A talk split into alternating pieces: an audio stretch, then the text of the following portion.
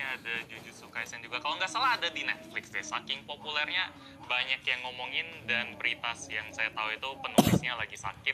Jadi ya hiatus lagi.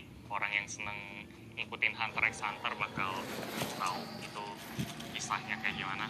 Sampai sekarang Hunter x Hunter saya tungguin. Tapi ya gitulah. Hiatus x hiatus. Satoru